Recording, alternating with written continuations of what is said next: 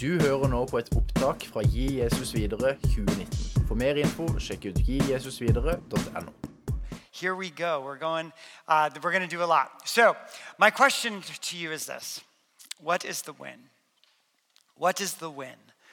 When you look at the kids in your ministries, when you look at your church, when you look at an 18 year old who has gone through your church, what do you want to happen? What do you want them to know? Who do you want them to be? What is the win? See, if we're going to build faith in the next generation, we need to know what that's going to look like so we know what we're, what we're striving for, right? A lot of times, the church, especially in the past, has thought about that the win is having a gobs of information in your head. That you leave knowing all sorts of theologies, that you know knowing all the stories. And, and this, is the, this is the faith that I grew up in. It was, uh, I went to a Christian school and we had to take the test, right? At the end in order to graduate, that we knew all the things. Yet, was that what actually mattered at the end of the day? Because the truth is, when you look at the kids in your ministry, kids might know what you think they know. You would hope that when you teach them about the story of Moses, you would hope that when you teach them about the story of Joseph, that they'd be able to help you and help and help themselves understand that those two stories are connected to each other. Yet we realize very quickly that our kids don't know these stories anymore, do they? But the truth is, while they may not know what we think they know, kids might know more than you realize. See, because kids growing up in the church may not be able to tell you where Paul went on his third missionary journey, but they do love their neighbor as they love themselves. They do show compassion to their friends and their family. And there are lots of things that kids will demonstrate that they know about what it means to live the life of faith, even though they may not know what you think they know. Um, and so, the truth comes down to authentic faith is not knowing more information. It can't be. Because if I look at the kids that I went to school with growing up, and there were 12 of us, it was a very small school in my Christian school growing up. And, and of the 12 of us, I can count on my hand those that have a growing relationship with Jesus Christ today, 20 some years later. And we all knew all the things. We all got an A on the final exam.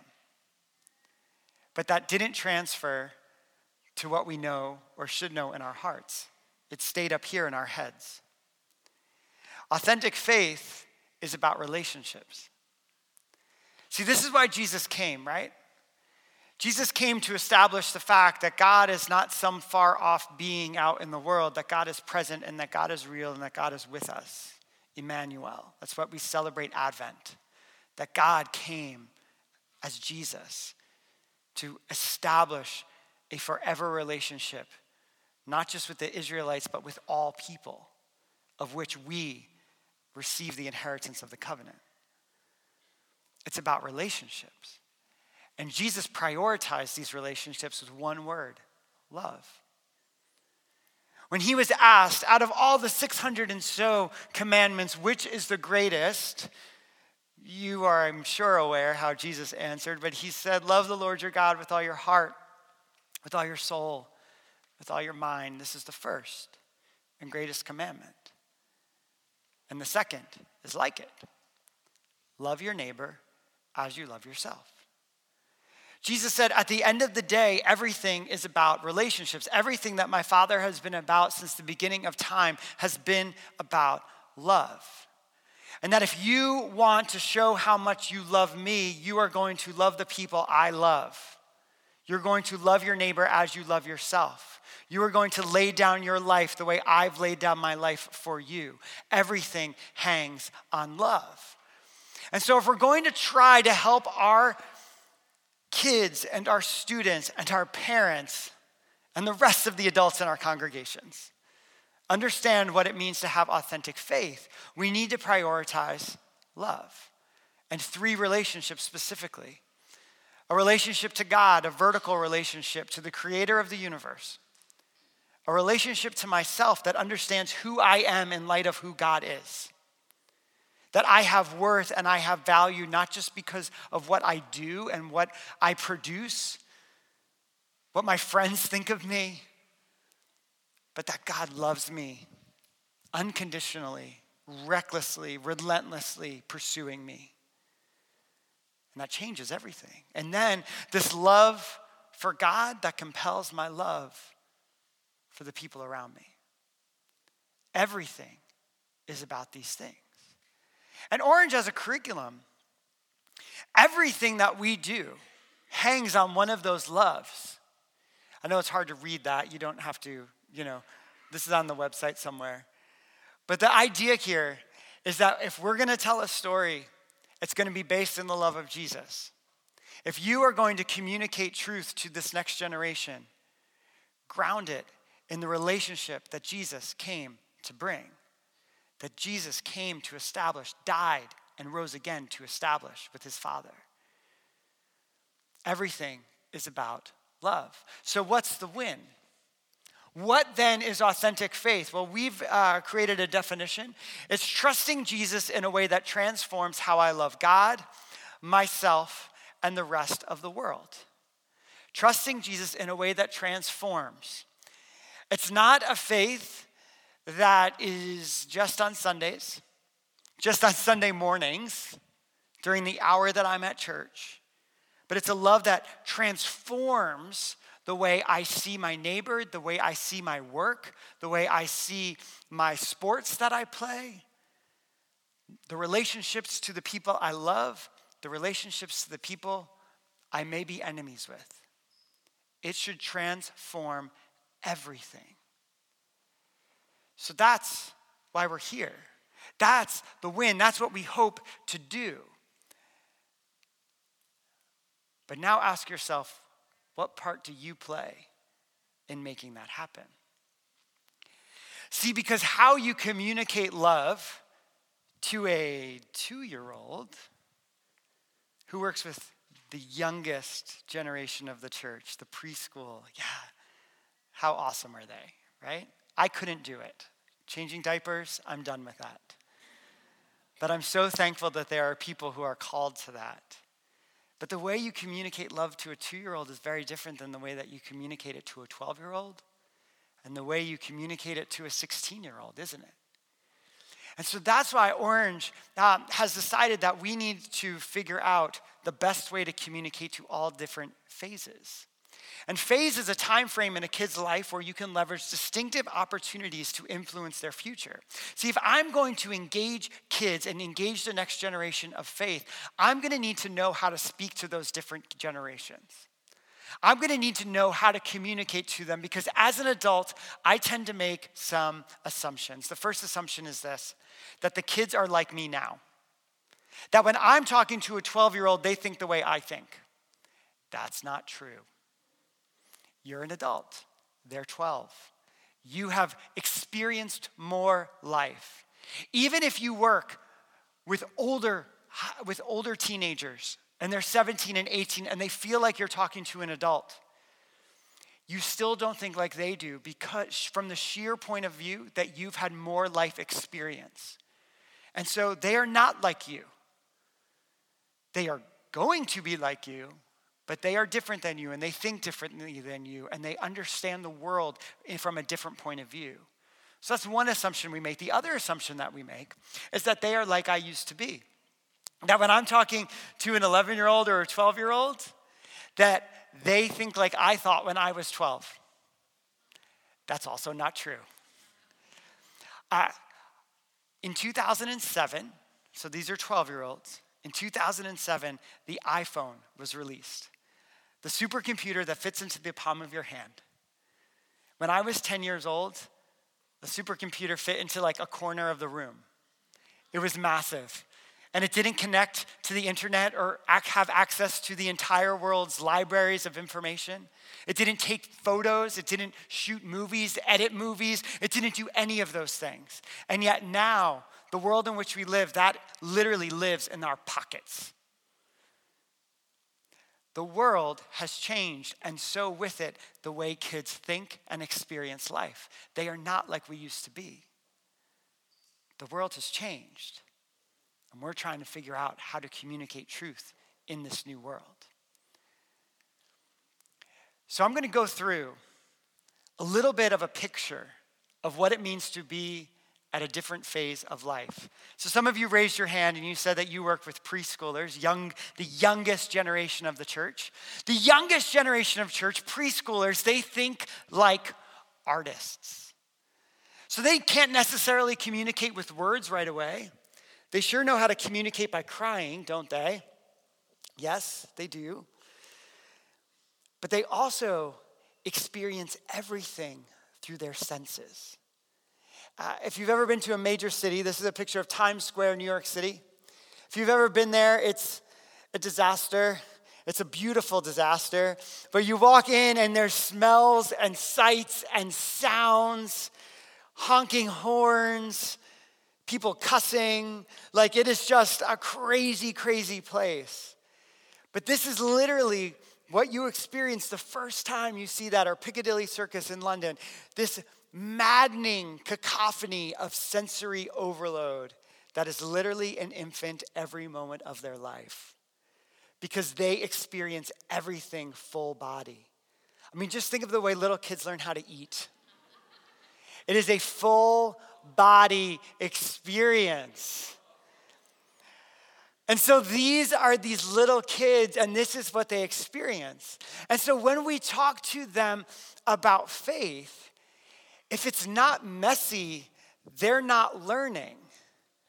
Like, I know that you hate glitter. I do too. Glitter's awful, it's really bad.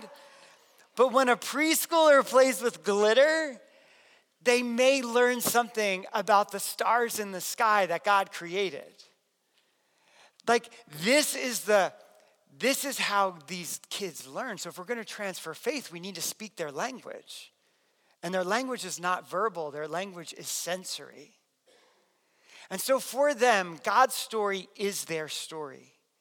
Everything that a preschooler imagines and thinks about comes from the first person.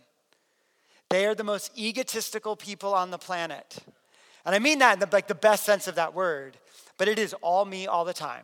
They literally could be playing side by side with another preschooler and not know that they, anyone else is in the room until you turn their heads and they're like, oh, there's someone there.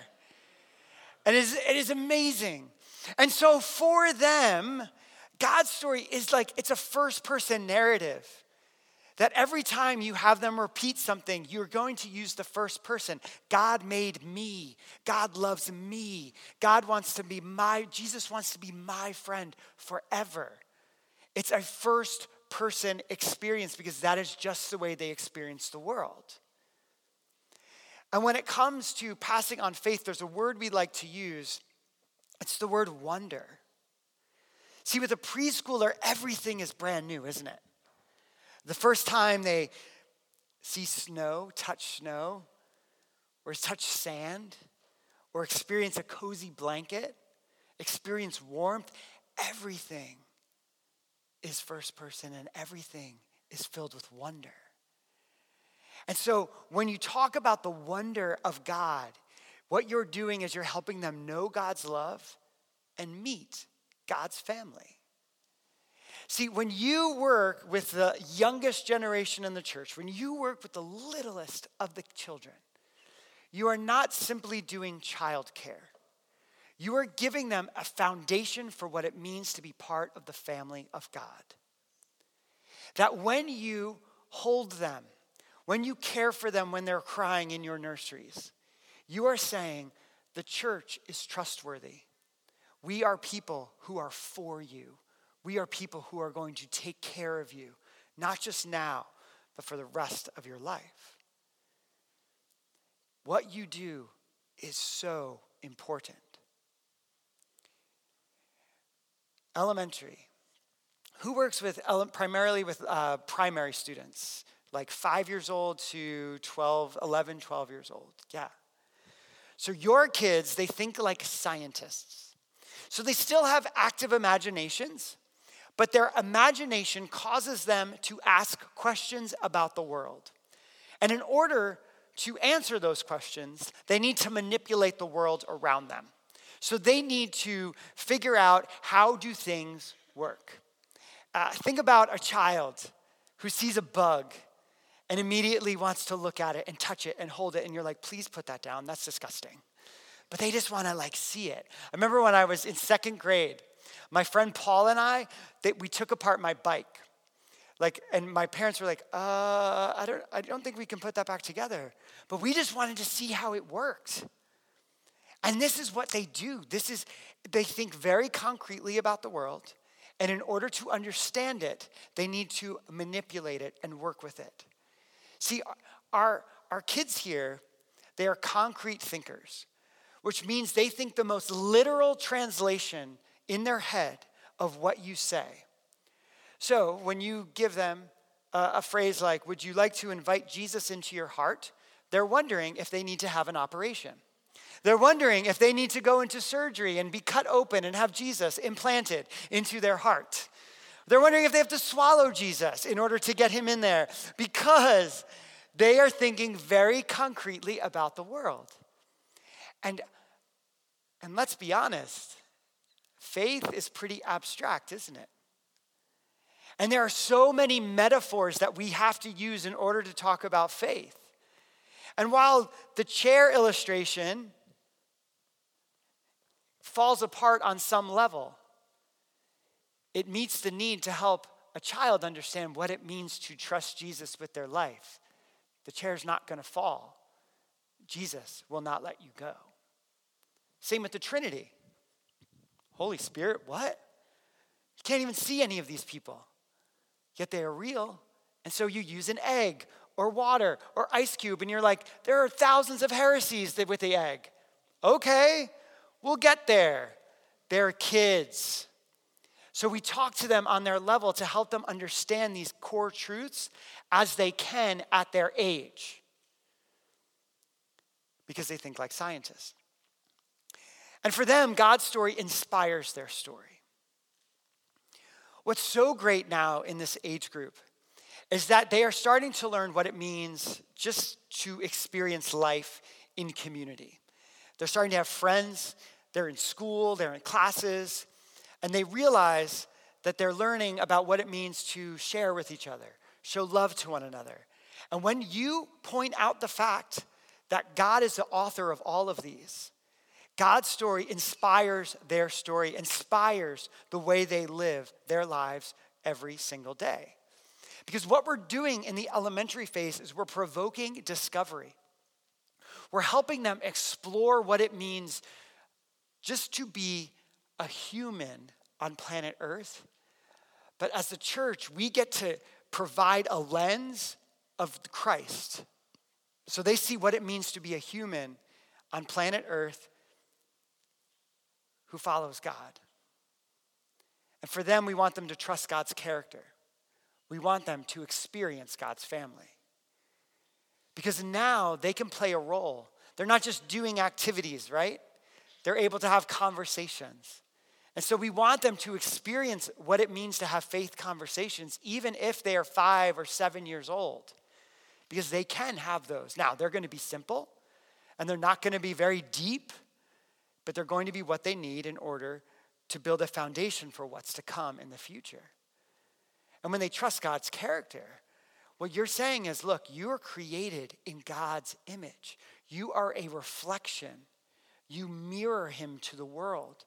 So when you learn that God is love, you have his love within you to share with the world.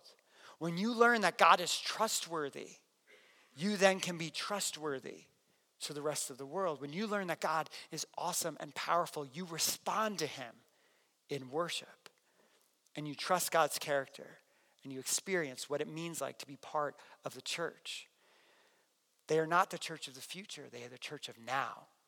And we need to help them experience that even as eight, nine, 10 year olds. For our middle schoolers, our middle schoolers think like engineers. Now, the difference between the scientist and the engineer, we, we, use, we chose the word engineer because engineers use multiple disciplines and they can make some connections in order to make something happen. A bridge is built because of math and science and physics and all of these different things come together in order to make that happen, like architects, right? Middle schoolers are now able to do this somewhat on their own, where they're able to make connections about the world around them. So, an example would be a, a verse that, that preschoolers learn is rejoice in the Lord always. I will say it again, rejoice, which is a great verse, right? And so they learn this verse out of context. So they're like, oh, God wants me to be happy all the time. And then as they learn and they grow and they start to realize where that story comes from and where that verse comes from in the life of Paul, when they realize all of a sudden, wait, Paul was in prison when he wrote, Rejoice in the Lord always, I will say it again, rejoice. A middle schooler can now make the connection wait, maybe joy has nothing to do with my circumstances. Maybe joy is something deeper, something bigger, something greater. Joy is just my trust in God that it's all going to work out. They're now able to make that connection in a brand new way that they weren't able to even just a few years earlier. So your, your kids in middle school, so this is uh, like 13, 14, 15 years old. I know grades are different a little bit, um, but that's, that's right around that age group that they're able to start making those connections. And for them, God's story redeems their story. For them, for middle schoolers, they're starting to realize that life isn't maybe as it, it, they expected it to be. That by now, maybe their parents have separated. Maybe they've made some mistakes with the choices that they've made, uh, you know, with their girlfriend or boyfriend or, or, or just different substance abuse problems or, or depression and all of these things. And that we hope that they learn that God's story can redeem all of those moments. That, that within the midst of that tragedy, within the midst of that sin, within the midst of all of those different things, that God still loves and still cares and still rescues. And that middle schooler is, are, is able to start seeing and connecting those dots. And for them, we still want to provoke discovery because they're very similar to elementary students in many ways. But they are able, they are still growing and they're still discovering and so much of identity is formed during these years. If you look back on your life as a 13, 14 year old, you care about a lot of things today that you started caring about back then. And it has formed who you've become as an adult. That's the power of the, the, the P word, puberty. Your brain is soaking in what it needs for adulthood. And so, so much of who we are is formed during the middle school years, which is why when tragedy happens, when trauma happens to a middle schooler, a middle schooler can be stuck as a 13, 14 year old for years and years and years and years without counseling to help them out of that because it's embedded in their brains, because their brains were just ready for it. But what we want them to do as they're discovering more about themselves is we want them to own their own faith. This is the time where, where the transfer happens between the, par- the faith of the parent, the faith of the church, to the faith of myself. That I'm going to be handed some of the keys to my own faith. And I'm going to make choices about what I do, whether I go to church, whether I engage with church, whether I engage with my faith. So we also want them to value a faith community. That they see that this is not just someplace I go, but this is something that's a part of me that I am a member of the body of Christ, that I am a member of this church. And it's not something I go to, it's something I do, I participate in.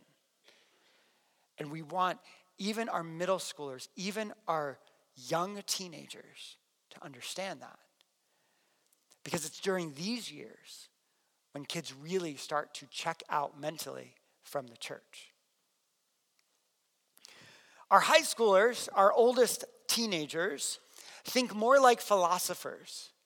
Because by now, as they've entered into the later years of, of teenagehood, they can now, they're now asking deep questions about their lives. Why am I here? What am I supposed to do? What's my purpose? What am I going to do with the rest of my life? And how does God fit into that? Does God fit into that? And these are the questions that they're asking. And they're asking them in the context of their community. They're asking them to their peers. And it's so important that we offer teenagers a safe place to process information. When a teenager comes to you and has a hard question, how you respond in that moment determines whether they will ask you a follow up question. Because for them, God's story empowers their story. When they realize that faith is their own, it can compel them to move forward and to do something with their faith. God's story empowers their story. Like the Great Commission, we have a mission for the church. And all of a sudden, our mission becomes their mission. And we can work together. But we need to do some things to make that happen. We need to help fuel passion. We fuel passion because we want them to keep pursuing an authentic faith. Statistics, at least in the United States, are when you grow up and you graduate, there's a 40% drop off in church attendance. There's a 40% drop off in even wanting to be part of any faith community at all. And so that's hard. Yet along the way, if, if we've done what we've needed to do, hopefully this child leaving, going on to what's next, will be pursuing an authentic faith of their own. But we sometimes need to give them the tools to know how to do that, right? We need to help them discover a personal mission. That they are here for a reason. That sure, maybe it's here to be a, a, the next pastor or the next youth leader, but maybe it's to be a Christian doctor, a Christian lawyer who will go out and change the world, a Christian garbage man who will help clean up this world. We have to help them understand that work is holy, that we need to pursue something, that God has gifted us and blessed us, and we can use those to serve the world around us.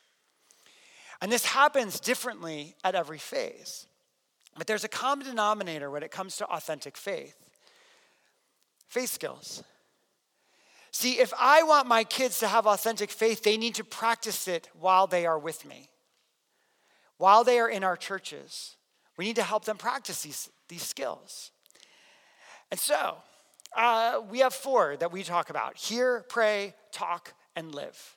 Four simple words, uh, but there's a lot that, that go along with that. So, first off, is hear. And by hear, we're talking about scripture, the ways we hear from God that we personalize and navigate Scripture.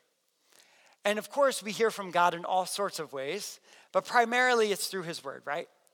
And so at every phase, how are we making God's Word a priority in kids' lives so they want to continue thinking about these things? So for our, uh, for our preschoolers, read Bible stories and repeat simple Bible verses. Read Bible stories. But it could be that you're not going to read these directly from Scripture because some of the words are going to be hard. Some of the sentences that are created when you translate from Greek to your language are a little bit tricky. So you're going to find a way, you're going to find a children's Bible, you're going to find children's Bible stories, and you're going to present the Bible stories in a way that, remember that wonder word, that fill kids with wonder. And you can do that, and you do it all the time. And this is what you can help your parents understand when it comes to passing on faith to the next generation. That while you're doing this, you're making the Bible accessible for this generation rather than this thing that only old people can understand. And you're going to repeat simple Bible verses. Four and five year olds can memorize God's word, they can. But often, we give them the translation that's 30 words. What if we boiled it down to the, just the necessary words or found the translation that's the necessary words and just had them repeat those simple Bible verses over and over and over. God so loved the world. God so loved the world. That truth is important, regardless of how old you are. For our elementary students, uh, purchase a kid's Bible, simplify Bible passages, uh, and memorize scripture together. In this phase of life, there's a lot of modeling that happens. If we want our kids to do something, we often have to model it for them so they can see what it's like. So, as church leaders, as small group leaders, as parents, we should be memorizing the verses along with our kids each week or each month.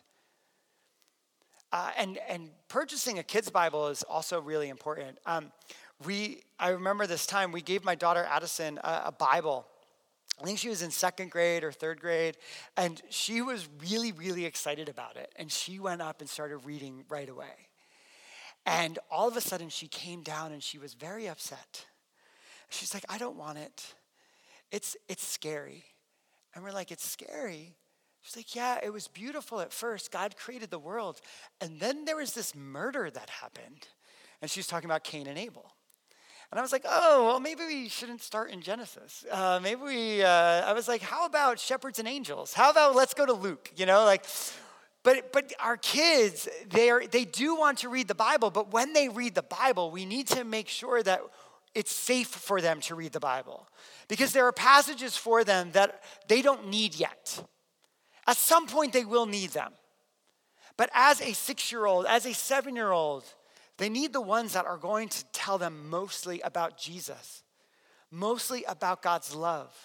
Because there's this window of time where kids are more likely to put their trust in Jesus, and it's during these elementary primary years. But we need to present it in a way where they can understand what they're actually doing and what they're actually under, what, what they're talking about. For middle schoolers, encourage devotional habits and use physical and digital Bibles. Let your middle schoolers know, because many of them are carrying around personal tech now, that they can have the Bible on their phone, that they can walk around with the Bible, and that when they are feeling a certain way, they can look up a passage.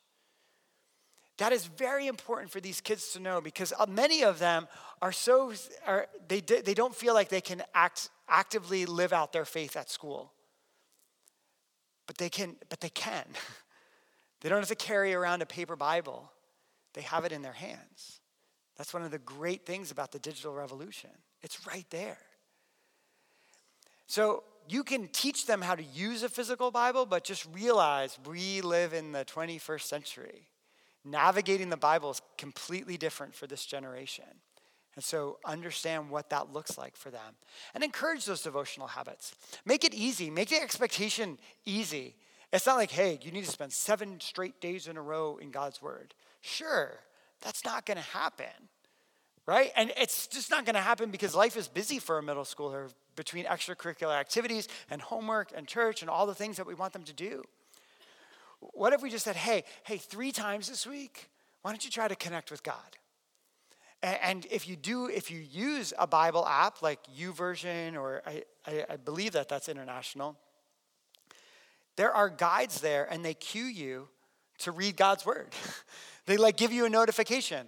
My, my watch tells me uh, you haven't opened the Bible app today.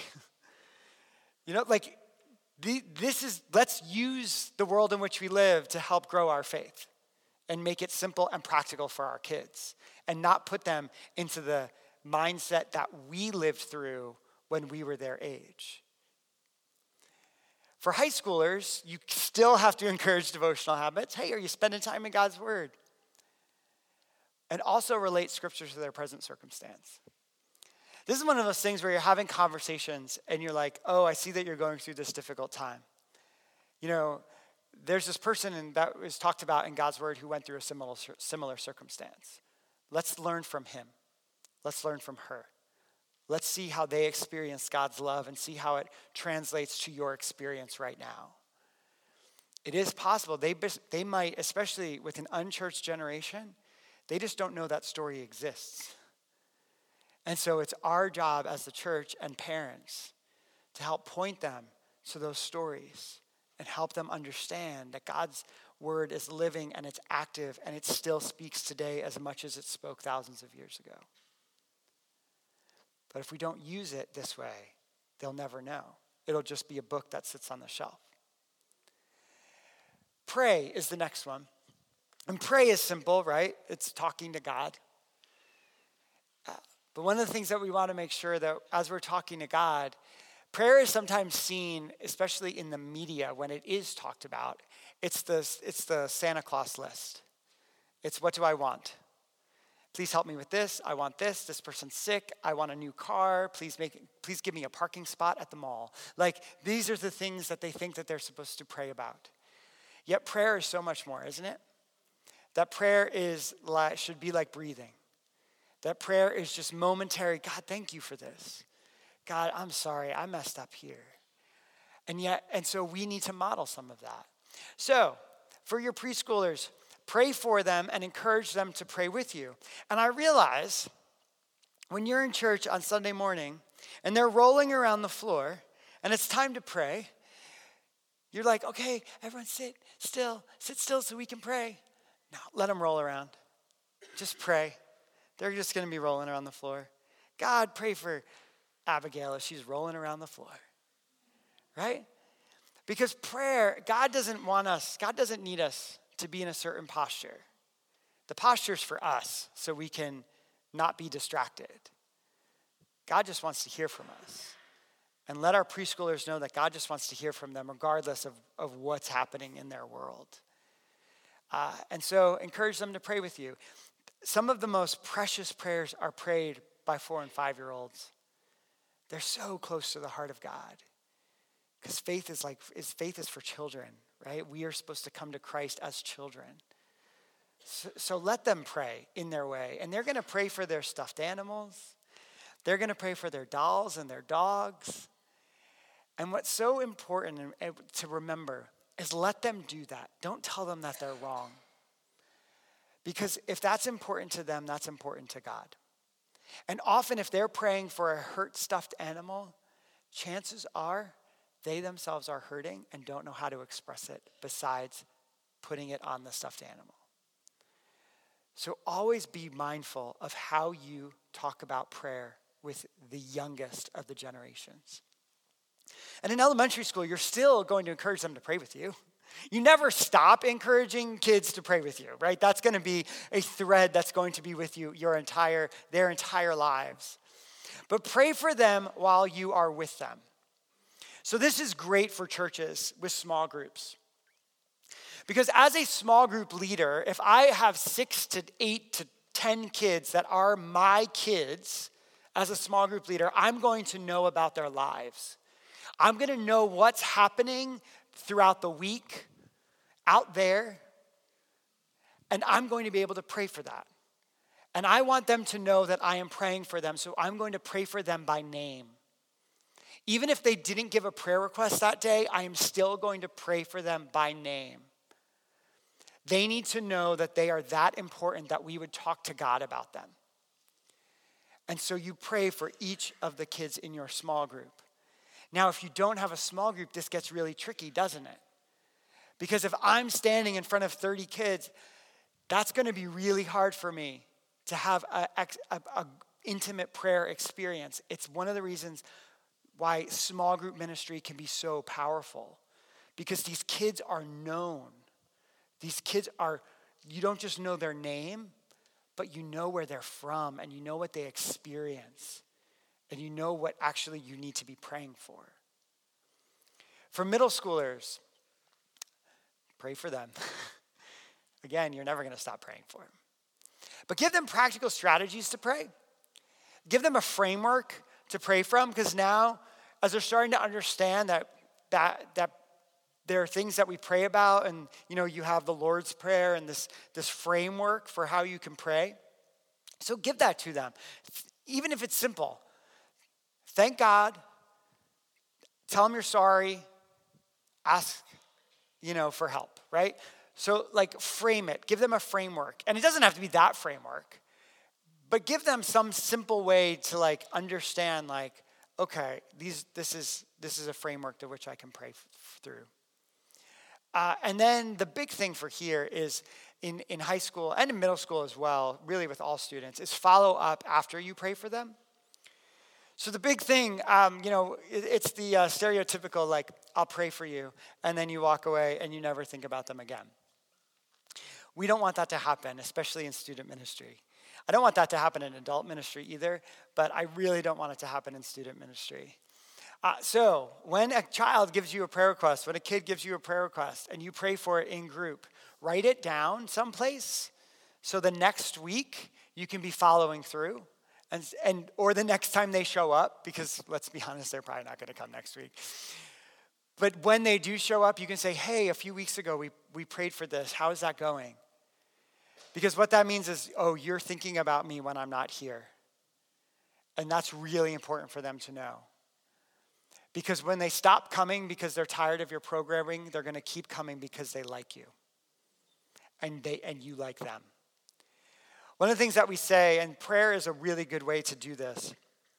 One of the things that we say is in student ministry, like is more important than love. They're at the age where they understand that people have to love them that people, oh, mom, you have to say that. You're my mom. But people don't have to like them. And church should never be a place where a kid questions whether someone likes them or not. And that's where you, that's where small groups, that's where prayer comes in. Because when you come and say, hey, I remember a few weeks ago, I remember this happened, they're saying, oh, you're thinking about me. That's what friends do.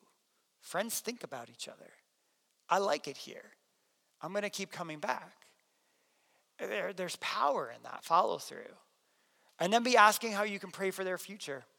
Your 11th and 12th graders have a lot on their plate. Your older kids, what are they going to do? Are they going to go to gap year? Are they going to go to university? Are they going to go into the military? Are they going to go into service? What are they going to do? It is very stressful. Um, and it is more stressful than ever, especially with the advent of the internet and seeing what their friends are doing, like who's getting accepted into which university and which this and that. And, and that can be very stressful. So ask how you can pray about their future. It's important that they know that people are looking out not just for the right now, but for, the, but for what's to come. Next, we have talk. And talk, there's two aspects to talk. Talking is both in the, in the context of like evangelism how do I talk about what I believe? But it's also how do I just have a faith conversation about what God is doing in my life? Like that is something that you need to practice. It's not something that comes easy, especially if you haven't grown up in the church and someone's like, How's your relationship with God? And you're like, I, I don't know how to answer that. You know, so so you need to model a lot of these conversations. So to do that, you have to give them, you know, some things to do that with. So when you sing songs with little kids with simple Bible truths, Right? Like, Jesus loves me, this I know, for the Bible tells me so. Like, I was so tired of that song by the time I was six years old. But looking back on that, like, how amazing is that for that to be embedded in my head? Right? So you sing those songs over and over and over and over again and embed those truths in their brains and then answer faith questions on their level. When you have these little kids who are like filled with awesome and wonder, and this is like, where do babies come from? And they're like, and you're like, oh, I don't know how to answer this question. You're three. Um, you don't answer that question that way, right? And the same thing is true with faith questions. You answer the question that they're asking, not you, you answer the question that they're not asking. So there are, there are going to be really complex questions that they ask about faith that have a theological answer for a 15 year old, but they're not 15, they're four. And so you answer the simplest way you know how, and then most likely that's going to satisfy it. and then they've moved on to something else. They're now at the water table. Like, but answer the question that they're asking on their level.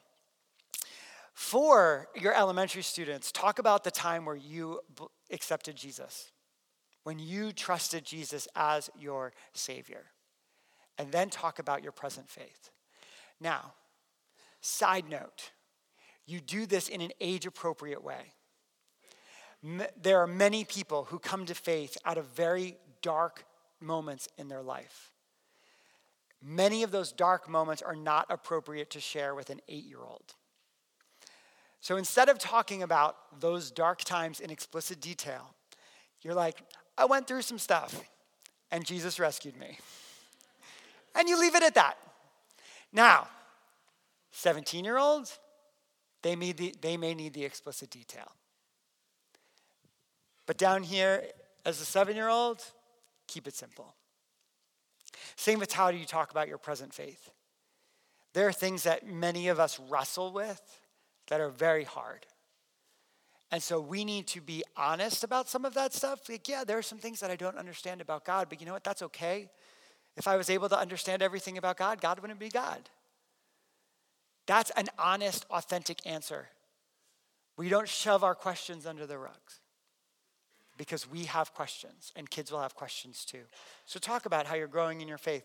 For middle schoolers, prioritize small group, Uh, prioritize getting together with Christian community. It is so important that they have people who are on their side and who believe the same things that they believe. Please don't be shocked by hard questions. They're going to ask you some really tough things, and your face is going to want to show that those are tough things. But I need you do you play poker? I need you to have a poker face. And you can freak out all you want on the inside. You're like, oh my word, I can't believe you're asking this question. But your face says, huh, how about that? That's a good question. Because when they ask a hard question, and I said this, it determines whether they ask you another one. And every time they ask you a hard question, they are testing you are you safe? Is it okay for me to ask hard questions to you? Our churches should be the safest place for kids to ask hard questions about anything. And we need to model that. You can also model some of your doubts and struggles. There are things you don't understand, there are things that are hard. And then you ask them questions that help them personalize their faith. See, what's important here is you can ask them questions rather than giving them the answer, you can take them on a learning journey. So it's very easy. The church is really great at statements, right? Like we, we are. We have the catechisms, like we are just so good at like, here's the concrete orthodox statement on things. But for a kid to own it, they need to own the learning process. And so we instead of just giving them, here's the statement that I want you to spit back at me, you take them on a Socratic journey to understand that truth for themselves.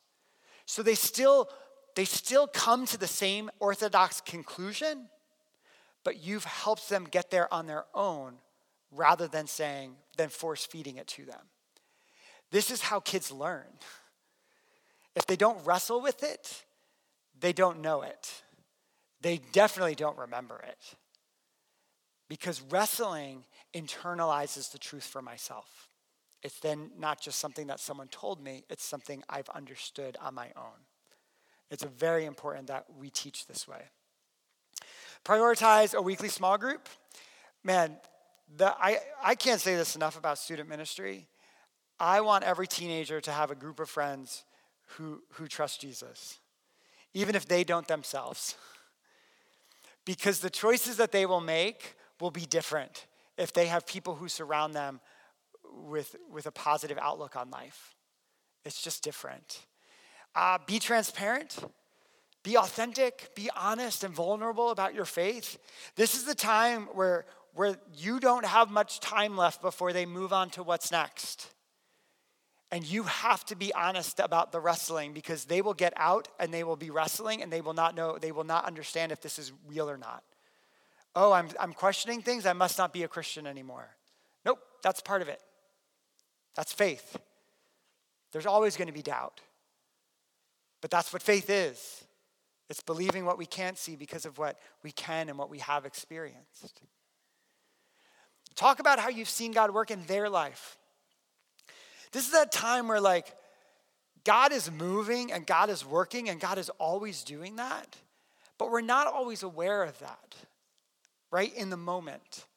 So if we're observing that happening in our life of our teenagers in our church, point that out. Hey, I think God put you in this place for a reason. I think God, you, God had you sit with your friend in that moment because you're going to be the one to help them through this thing, right? Like you call it out. And then talk about the role of a faith community. Often kids don't find churches once they leave your church and go off to university because they literally don't know how to find a church. They've never been taught to because they've either come with their parents or someone has found them and invited them, but you go off on your own. How do you find a church? How does that happen? Let's have conversations with our high schoolers about how to discover a church and find a church and find a faith community on their own when they are apart from us. It's very important. Live is the last one. And living is all about worship. And yes, it is about the, the worshiping with our song. But like we, we say in Orange, worship isn't just singing loud, worship is living loud. Worship uh, is about the way we work, the effort that we give, whether we lose well, win well, all of that is a reflection of what we think about our Creator. So, for our uh, preschoolers, sing simple praise songs that they can remember with simple words like verse, chorus, same verse, same chorus, over and over and over again. It drives you nuts. That's okay. It's not about you, it's about them. It's about them having a faith and a church that's accessible to them. They need that. And then prompt them to share and help. Uh, we tend to think like you share because it's just what you do, right? But sharing for a preschooler is the foundation for serving. When they're just seeing that, like, what they have could help make someone else happy, when they can give what they have to, you know, help someone else or give someone else a turn, they're laying, they're getting foundational information for what it means to have so much that God has blessed us with that we can give and serve others. But if they never learn to share, they'll never learn to serve. And we can do that and talk about that in our ministries. Uh, so, serve with friends and family together in elementary school. Talk about generosity. Sing their favorite worship songs. I put that in all caps. Their favorite worship songs. Not the ones that you want to sing because you heard it on, you know, Hillsong sang it and so you think it's great. It's great. They don't listen to Hillsong. or they may not you think about the songs that they would sing and that they will want to sing over and over and over again. And one of the things that, that we do at Orange, um, Spotify or like different like streaming places where you're able to build playlists, you can build a playlist of the songs that you sing in your church, and you can share that playlist with the parents in your church. So they don't just hear the songs on Sunday, but they can hear the songs throughout the rest of the week. So, so think about the way you can use social media to share music that you, that you, uh, that you listen to. Uh, in middle school, living is about serving the church and community together. It's about giving them opportunities to do service projects, uh, to help realize that they can be a part of the church right now. Encourage missions trips, either with their family or with their small group. Go serve a food pantry, go to a different country and see what life is like there. You need to give your kids experiences that open your, their eyes to the greater scope of what's happening in the world. It's very important for that. And then in high school, empower them to serve. Some of your best volunteers are going to be your high school students. Uh, I tell this story in the in, in caught in between when I was on uh, I was a children's pastor and I had a, a 16 I think she was 15 at the time a 15 year old girl she comes to me and she's like I would like to be a storyteller uh, to first graders a storyteller like a Sunday school teacher communicator and I was like, oh, we don't really have high schoolers who tell the Bible story. That's really like an adult thing. But I, talked to her and I, she seemed like she was good. She's like, well, I do theater. And I was like, oh, okay, like this is cool. Uh, so we gave her a shot. We said, how about you take a Sunday? Those kids loved her. Like they couldn't stop listening. They asked for Jessica the next week. Is Jessica here? When's Jessica coming back? Well, Jessica became an every week storyteller in first grade ministry. Jessica is now on staff at that church. So she went to college, she came back, she's on staff, and she leads the large group ministry at the church where I was on staff. Because she started as a 15 year old telling the Bible story to first graders, to six year olds. Those of you who are thinking about small group ministry and aren't sure where you're going to find your volunteers, empower your high schoolers to be your small group leaders. You give them the tools to become the church now so they realize what it means to be the church later. Uh, encourage foreign mission trips. Talk about money and financing and, how, and, and, and budgeting and stewardship that God has given us so much and we should be taking care of it. And then, above all else, demonstrate love, grace, and forgiveness. Because life is going to be hard, and our teenagers aren't going to be perfect.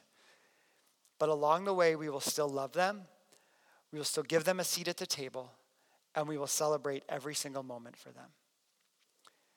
Because there's a lot that hangs in the balance, isn't there?